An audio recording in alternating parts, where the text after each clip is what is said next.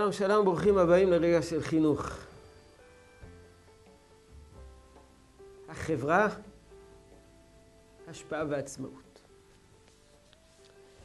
אז הזכרנו אתמול שעם כל החשיבות לקנות חבר, ואפילו להיות מוכן להשקיע על מנת לקנות חבר, כדי לקנות חבר, גם צריכים לחנך את הילדים שלנו לעצמאות. זה לא קל לחנך לעצמאות. למה? מכיוון שכותב הרמב"ם בהלכות דעות, פרק ו' הלכה א', דרך בריאתו של אדם להיות נמשך בדעותיו ובמעשיו אחר רעיו וחבריו ונוהג כמנהג אנשי מדינתו. זה טבע האדם. לא רק שטבע האדם להיות חברתי. כלשון הקדמונים, האדם הוא יצור מדיני. הוא אדם, הוא יצור חברתי.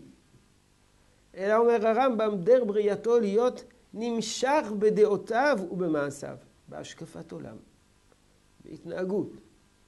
אחריו וחבריו, ונוהג אנשי, כמנהג אנשי מדינתו, זאת אומרת סביבתו.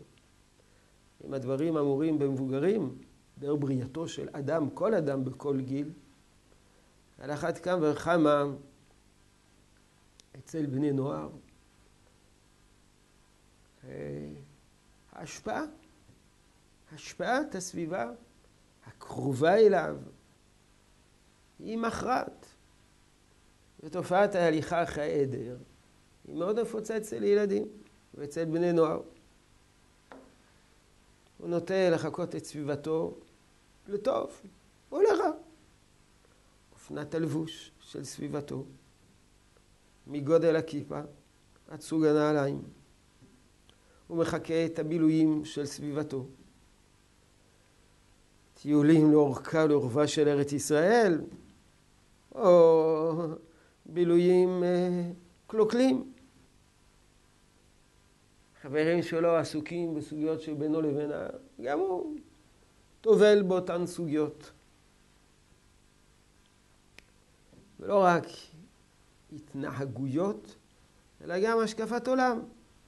שמאל, ימין, פוליטיקה, אמונה.